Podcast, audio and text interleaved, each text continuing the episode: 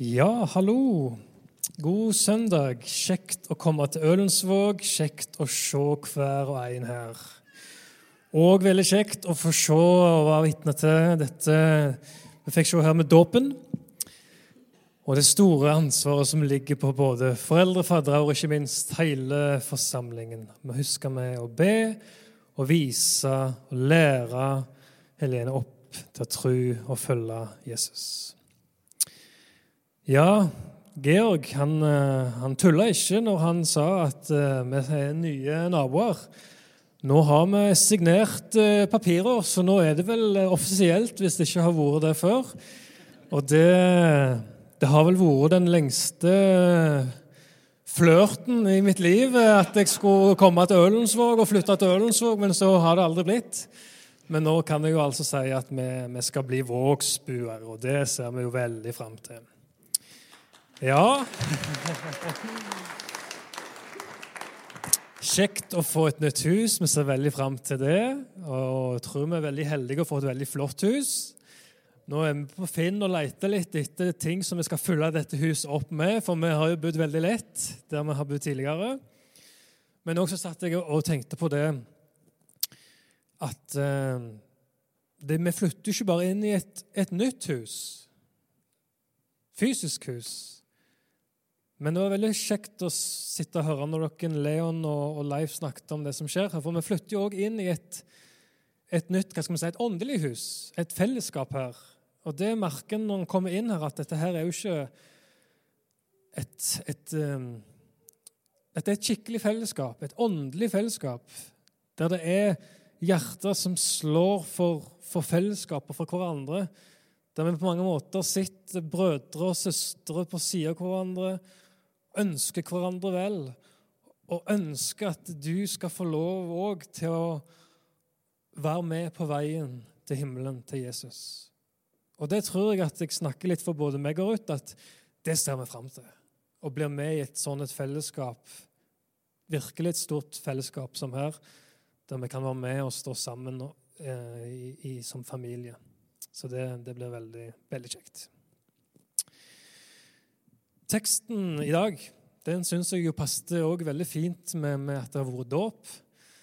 Den lamme mannen som ble båren fram til Jesus. Og Det er jo et, et bilde på, på dåpen.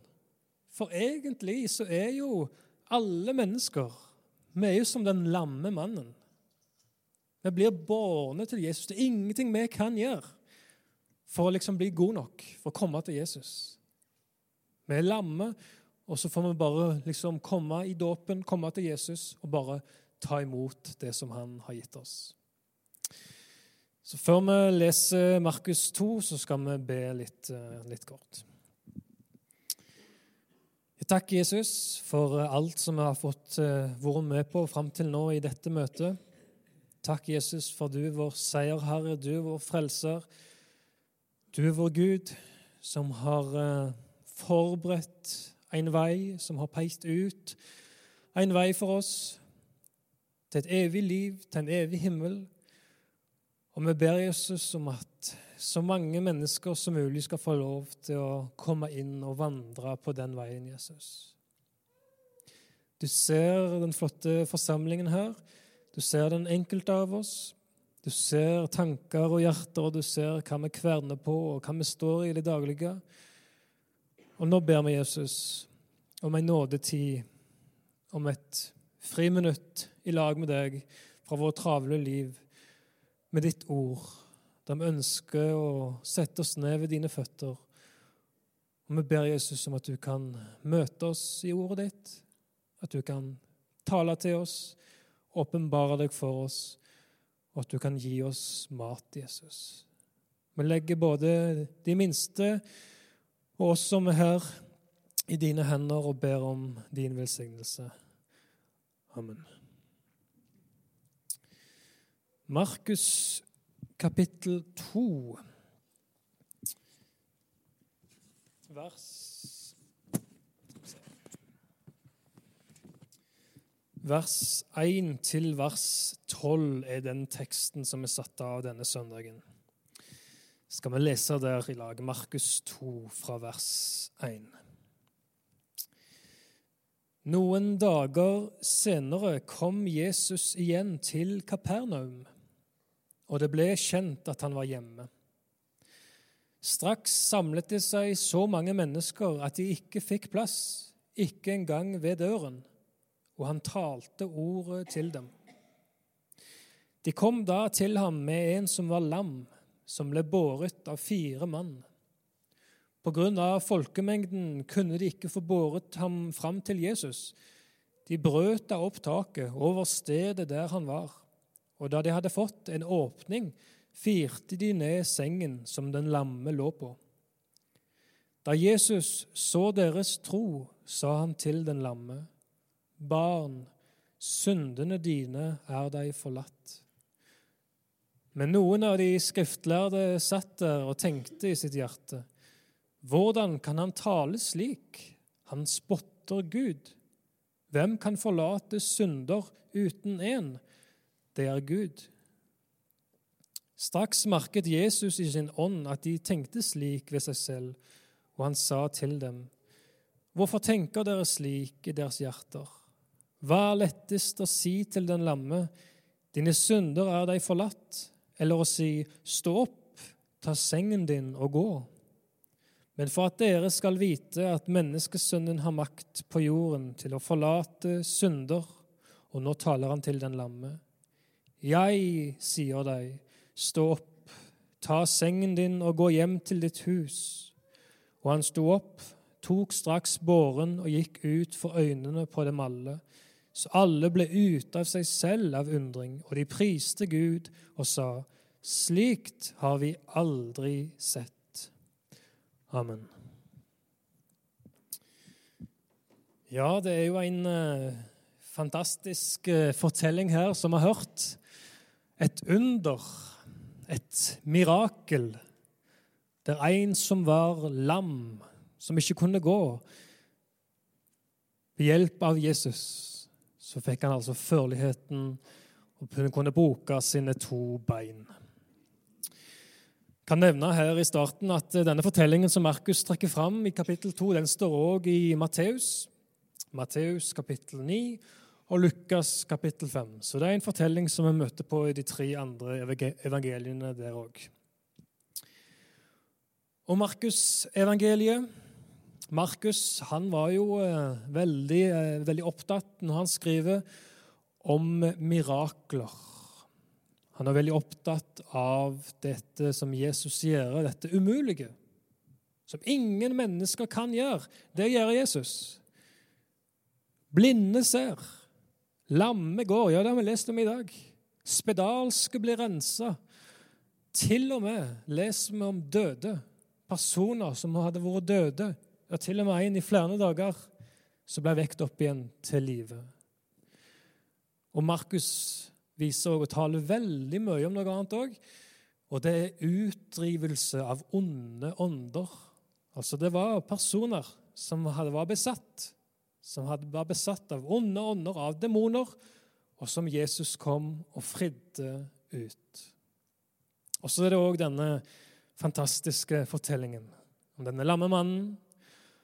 Og så langt vi kan se, så er det altså første og eneste gang i Markus der Jesus sier følgende ord som vi har lest. Barn, syndene dine er deg forlatt. Vi skal komme litt tilbake til det, men hvis vi tar det fra begynnelsen av, så leste vi at Jesus han var hjemme. Hjemme. Og hvor er heimen? Hvor var heimen til Jesus? Kanskje har du flytta mye i livet ditt, og Jesus han har også flytta mye i, i, livet sitt. Hans egentlige heim det var jo ikke fra, på denne jord, det var jo i himmelen. sant? Så ble han født i Betlehem. Og I passet ditt så står det ditt fødested. Hos meg står det Haugesund. Hos Ruth står det Cochabamba. Så da har det sikkert du et fødested i ditt pass. I Jesus sitt pass, hvis han hadde hatt et norsk pass eller et jordisk pass, så ville det stått Betlehem. Der bodde han nok ikke så veldig lenge før han måtte reise og flykte til Egypt. Så han har bodd i utlandet. Akkurat som det er Om det er misjonærer som reiser utenlands, eller noen reiser utenlands på jobbreiser, eller noen flykter i dag, så var Jesus òg en flyktning. Han bodde mer eller mindre tre år i Egypt. Og når han hadde bodd i Egypt, så flytta han til Nasaret. Vokste opp i Nasaret. Sånn at det skulle bli um, oppfylt skriftene som sier at han er en nasareer. Og etter ei tid der så har han òg flytta ut fra Nasaret. Han har kalla sine første læresveiner, som vi leser i Markus kapittel 1, det foregående kapittelet. Og han har slått seg ned i hedningenes, hjertet av hedningenes Galilea, Kapernaum. Denne havnebyen, eller fiskerbyen, ved Galileasjøen, eller Genesaretsjøen. Der som Simon Peter kom fra, der som Maria Magdalena bodde, og disse første læresveinene hans. Så vi leste at Jesus han var hjemme. Han var på vandring i Galilea. Når han kom hjem til Kapernaum, der bodde han.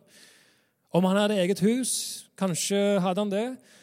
Mest sannsynlig har han bodd i lag med Simon Peter og de andre læresveinene, første læresveinene i et hus der i Kapernaum. Og det var populært. Det var mange som ville høre om Jesus. Vi leste det at huset der Jesus bodde, det var sjåka fullt. Det var så fullt der inne at holdt på å si, det står ikke hvor mange rominndelinger det var i dette huset. her. Det sto helt, altså Ved ytterdøra så sto det folk og ville på en måte trenge seg inn og komme inn der. Men de klarte ikke å komme lenger altså over stokken der, for at det var helt fullt i huset hans. Hvorfor så mange folk? Hvorfor var det så populært å gå på besøk til, til Jesus? Nettopp det som du leser i det forrige kapittelet, alle de under som Jesus gjorde. Han gjorde mirakler. Han gjorde under. Alle de som var besatt, de ble, de ble fri, står det. Og ikke minst så står det at han lærte i synagogen i Kapernaum. Og så står det i kapittel 1 at de var slått av hans Eller de undra av hans lære. Slått av hans lære. For Jesus sin lære, Jesus sine ord, Jesus sin forkynnelse og undervisning, det var voldsomt. Det var sånn at det, eh, rysta de. Og de ville veldig høre mer. Det gitt mersmak. Å sitte under talerstolen til Jesus det var blitt så populært at alle ville hjem til han og lytte til det som han hadde å si. Og Det var ikke bare her i Kapernaum at det var populært. Det er jo nesten Uansett hvor Jesus reiste, så var det mennesker som fulgte han, og som virkelig ville høre mer av hans forkynnelse. Tenk på brødunderet. Tenk på de tusenvis av folk som hadde reist ut, liksom forlatt alt de eide, og og jobb oppå seg, og, og ikke tok med seg noe sovepose og telt eller noe mat, står det. De bare fulgte Jesus ut der. Og så uh, vet de jo ikke hvor de skal få tak i maten engang, og så skjer jo dette brødunderet. Han åpna både tankene og hjertene, så de kunne se og forstå Skriftene, leser vi ved flere anledninger. Om det er ved Emmausvandreren eller hva som helst, så var det voldsomt å få lov til å sitte og lytta til Jesus sin forkynnelse. Og det visste disse fem personene som nå er på vei inn til dette huset her. Det var fire stykk som hadde hastverk denne dagen i Kapernaum. Fire stykk som bar på noe verdifullt. De bar på et menneske. Om det var vennen deres, om det var broren deres. Det var fire menn som bar ei båre med denne lammet. Og Så kommer de til huset der Jesus er og underviser. Og så kunne vi jo tenkt at ja, de hadde hastverk, ser det ut som. Så kunne vi jo tenkt at de kunne liksom trengt seg litt på. og Kunne de ikke det? Er jo ikke litt sånn med nordmenn at uh, hvis det er ambulanse eller hvis det er syketransport, og vi ser i speilene at ja, nå må vi iallfall slippe forbi dette her, sant? Så kjører vi til sides eller på med blinklyset og, og bremser ned. Det ikke, hadde det ikke vært litt sånn for disse her folka som sto i døråpningen der Ja, oi, nå, nå, kommer det jo en her med en, en lam, en, fire stykk. Kanskje vi må trø litt til side, sånn at vi skal få slippe dem fram, sånn at de kan komme helt fram til Jesus. Men det står ikke noe sånn om en, denne ambulansen, eller kanskje et dårlig bilde, men det står ikke noe sånt at de gjorde det. Men de gikk opp på taket. De gikk opp på taket, som sannsynligvis da vært et flatt tak, bygd med leire, gras og greiner, sannsynligvis. Heimen til Jesus, sannsynligvis heimen til Simon Peter. Jeg er ikke sikker at de kjente Simon Peter, disse som bare begynte å grave der. Han virker jo til å være en litt sånn eh, ikke, Han kan bli litt sint Simon Peter. kan Han ikke det? Han tar til sverdet og vil beskytte. Han hadde kanskje et temperament. Så begynner de der å grave opp en åpning i taket og ødelegge liksom huset der. Hvorfor gjorde de det? Hvorfor i alle dager hadde de så hastverk? Kunne de ikke bare stått på sida ute der? Eller kunne de ikke prøvd å trenge seg litt inn der og så vente til Jesus på en måte var ferdig? Herrens bud har hast, er det noe som heter. Det var noe som dreiv disse her. De kunne ikke få fred, men de måtte til Jesus nå. Nå eller, eller aldri. Og Så ser de de som sitter der inne, denne åpningen. og Så blir denne lamme mannen han blir firt ned og så er det Jesus og de andre som, som er der. Hva hadde du gjort hvis det hadde vært Jesus? Sittet hjemme i huset ditt og så bare ja, Det er vanskelig for oss å sammenligne det sånt med våre huskonstruksjoner. Men Jesus blir ikke sint. Det står ikke at Peter begynner å slenge med, med lepper der, liksom. Men Jesus møter denne mannen. Så hva var det han sa?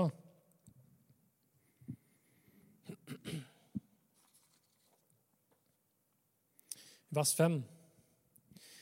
Da Jesus så deres tro, sa han til den lamme mann, Barn, syndene dine er deg forlatt.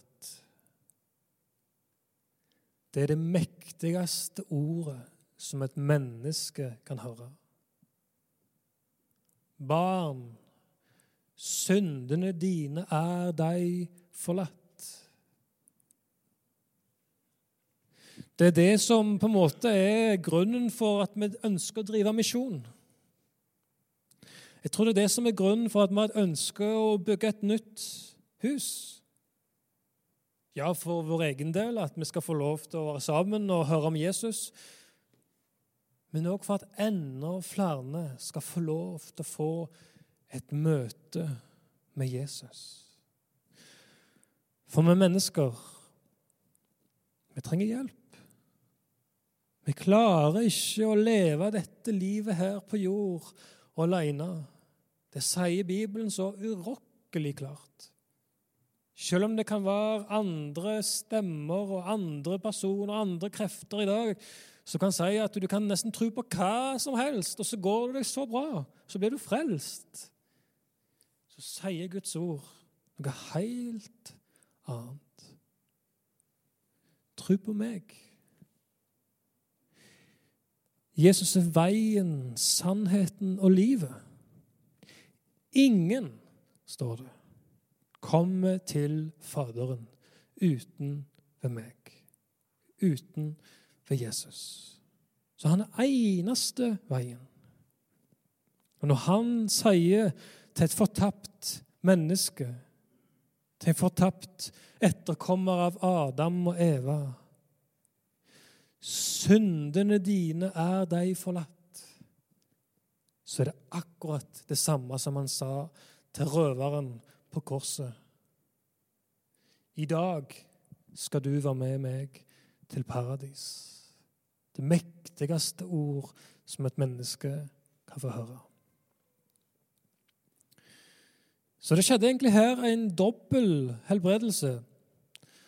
Ja, vi skal komme litt tilbake til det, for før det Ble jeg litt ivrig her? Før det så var det jo noen som eh, begynte å liksom, Hvem er Jesus? Hvordan kan han si noe sånt? At synden din er deg forlatt. De skriftlærde, fariseerne og de skriftlærde ja, Jesus han brukte mye tid på å snakke og undervise, prøve å undervise disse. Og mange av noen fariseere de gikk det jo godt med. Hvis vi tenker på Nikodemus og Josef og Arimathea, så var det jo flere fariseere som virkelig har fått et kjennskap til Jesus. Men så ser vi at det ser ut som de aller, aller fleste der de satt med harde hjerter. Og merk deg det som skjer her ved slutten i, i denne teksten her, etter det som Jesus har sagt til den lamme. Det står ingenting om at fariseerne de skriftlærde at de sa noe mot Jesus. Hvem er han som kan eh, forlate og tilgi synder? De sa ikke det. Ingen sa det den dagen. Men de tenkte det. De tenkte det i sine hjerter, står det. Og Jesus merka det. Han så hva de tenkte. Og sånt har jeg lurt på mange ganger når jeg leser Bibelen. For Jesus, hans øyne, hans radar, altså den, den, den, den stikker så dypt. Den liksom skanner alt sammen, om vi liker det eller ikke. Jeg tenkt mange ganger også, Heldigvis, sånn er ikke våre øyne. Når jeg står her og ser dere, så har jo jeg heldigvis mine begrensninger, og du har dine begrensninger når du ser på meg. Men Jesus, altså, han skanner alt og ser alt. Går ikke an å gjemme noen ting fra han. Og det er så mange som har prøvd. Og vi prøver jo til tider. Vi òg gjør vi ikke det.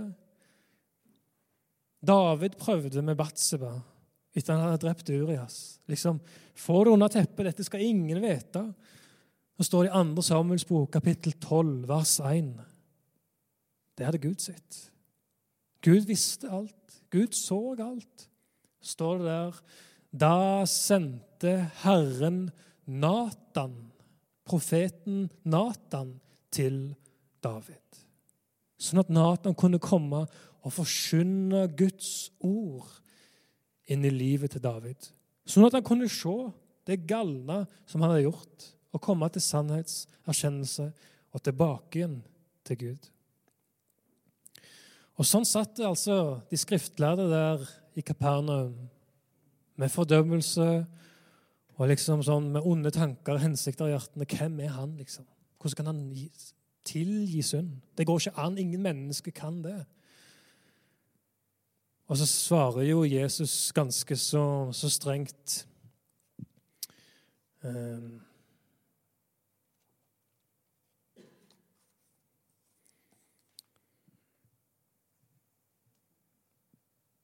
Hva er lettest å si til den lamme? Dine synder er deg forlatt. Eller å si stå opp, ta sengen din og gå. Og hvorfor tenker dere slik i deres hjerter? Hvorfor tenker dere slik i deres hjerter? Er det ikke litt sånn typisk for mennesket òg i dag at mange vil høre om Jesus? Det ville jo tydeligvis disse skriftlærde òg. De hadde kommet inn i heimen hans og ville høre Jesus. Men så vil de på mange måter ikke ha hele Jesus. Jesus han er et uh, stort forbilde, sier noen. Jesus han var en god mann. En av de beste, en klok mann, en vis mann. Les Jesus. Oh, han har sagt så mye godt. Han har sagt så mye vist. Men så stopper det der så har du liksom eneste forholdet du har til Jesus, det var at han var en vis og god, god venn, en klok mann og et godt forbilde. Men Jesus vil mer enn bare det. Han vil òg være den som får lov til å tilgi og bære vår synd. Andre igjen, I andre religioner kan jeg si at Jesus han er jo en profet. Kjenner Jesus. Issa, vi kjenner han. Han er jo profet, viktig profet for noen i dag. Jeg har tenkt mye på det som uh, Johannes skriver i Johannes første brev. Det er viktig for oss å studere og lese i dag. For mange trykker apostelen Johannes til sitt bryst i dag. Kjærlighetens apostel. Les Johannes, han som snakker så mye om kjærlighet. Ja, les Johannes, kjærlighetens apostel og agape og alt dette her. Nå skal vi ikke gå inn på det. Men Johannes skriver noe der, advarsler til oss i sitt første brev. Om ulver i fåreklær, om falske profeter.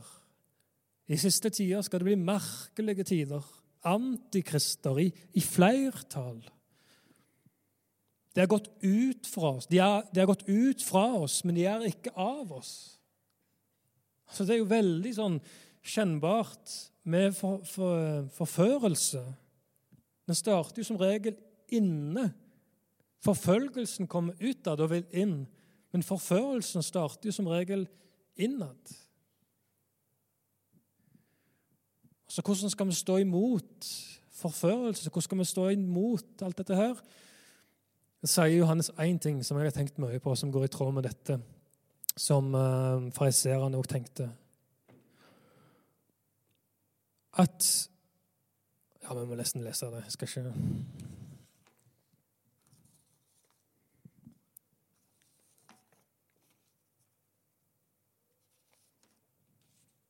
Men enhver ånd som ikke bekjenner at Jesus Kristus er kommet i kjøtt og blod, er ikke av Gud. Det er ånden til Antikrist. Altså, hvordan skal vi skjelne mellom den sanne og rette kristen tro med det som ikke er sant, så skriver Johannes Enhver ånd som ikke bekjenner at Jesus Kristus er kommet i kjøtt og blod, er ikke av Gud, det er ånden til Antikrist. Og det som Johannes trekker fram, da Fikk du taket på det? Jesus er Kristus kommet i kjøtt og blod. Kristus, Jesus er Kristus. Jesus er Messias. Jesus er den salvede. Jesus er lidelsens mann. Det viser til hans Messias-gjerning, nettopp at han måtte sone straffa og dø for våre synder. Så når vi møter på krefter i dag som sier at fortapelsen har vi forlatt, fortapelsen eksisterer ikke lenger, da rokker du. Da sier de ikke direkte at, at Jesus ikke er Kristus. Men indirekte der så begynner du å rokke ved Jesus som Kristus.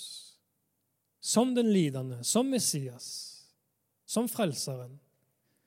For hvis du har forlatt fortapelsen og læren og altså livets to utveier, hva slags Jesus sitter du igjen med da? Hva slags frelser er det du har da? Jo, da tror jeg at vi sitter igjen som noen av disse fariseerne og skriftlærde i, eh, i Kapernaum som sier 'Hvem er han?' Hvem er han Jesus der som kan tilgi synd? Nei, synd, hva er det for noe? Jeg har ikke synd, er det mange som kan si i dag. Og så vet vi det, den lille Bibelen. Det viktigste bibelverset som egentlig burde stått hos oss alle sammen. At det handler jo nettopp om kjærlighet. Alt sammen. Og den største kjærlighetserklæring det er nettopp Johannes 3, 16. At Gud elska verden så høyt at han sendte Jesus, sin egen sønn, for å dø i vårt sted. Og Det håper jeg at vi alle sammen kan få lov til å ta imot og leve på og tro på, slik som denne lammemannen som kom til Jesus, som ikke hadde noen ting, bare et sukk, bare et ønske om å få lov til å bli fri. Så er det Jesus som setter alle mennesker virkelig fri. Dobbelt mirakel. Fikk førlighet, ta båra di og gå. Ja, det var flott. Men det største av alt var når Jesus kunne si 'barn' og gi han syndenes forlatelse og evig liv. Skal vi be. Ja, takk, Jesus, for du er vår frelser, du er vår Gud. Du har skapt oss, du kjenner oss, du vet alt om oss. Vi klarer ikke å skjule noen ting for deg, Jesus. Men du, du ser oss, og du skanner oss, og du, du, vet alt som bor i våre tanker, vårt hjerte, vårt hovmod, vår egoisme, vår, vår sønn Jesus. Og vi takker deg, Jesus, fordi at selv om du vet om alt dette mørket i oss, så har du fortsatt et ønske om å være nær til oss, et ønske om å ta deg av oss, et ønske om å frelse oss. Og vi ber Jesus for forsamlingene og livene våre og bygda her i dag, om at du kunne få lov til å bli stor i våre liv. Må du, Jesus, som ser hjerter og tanker, vokse i våre hjerter og tanker.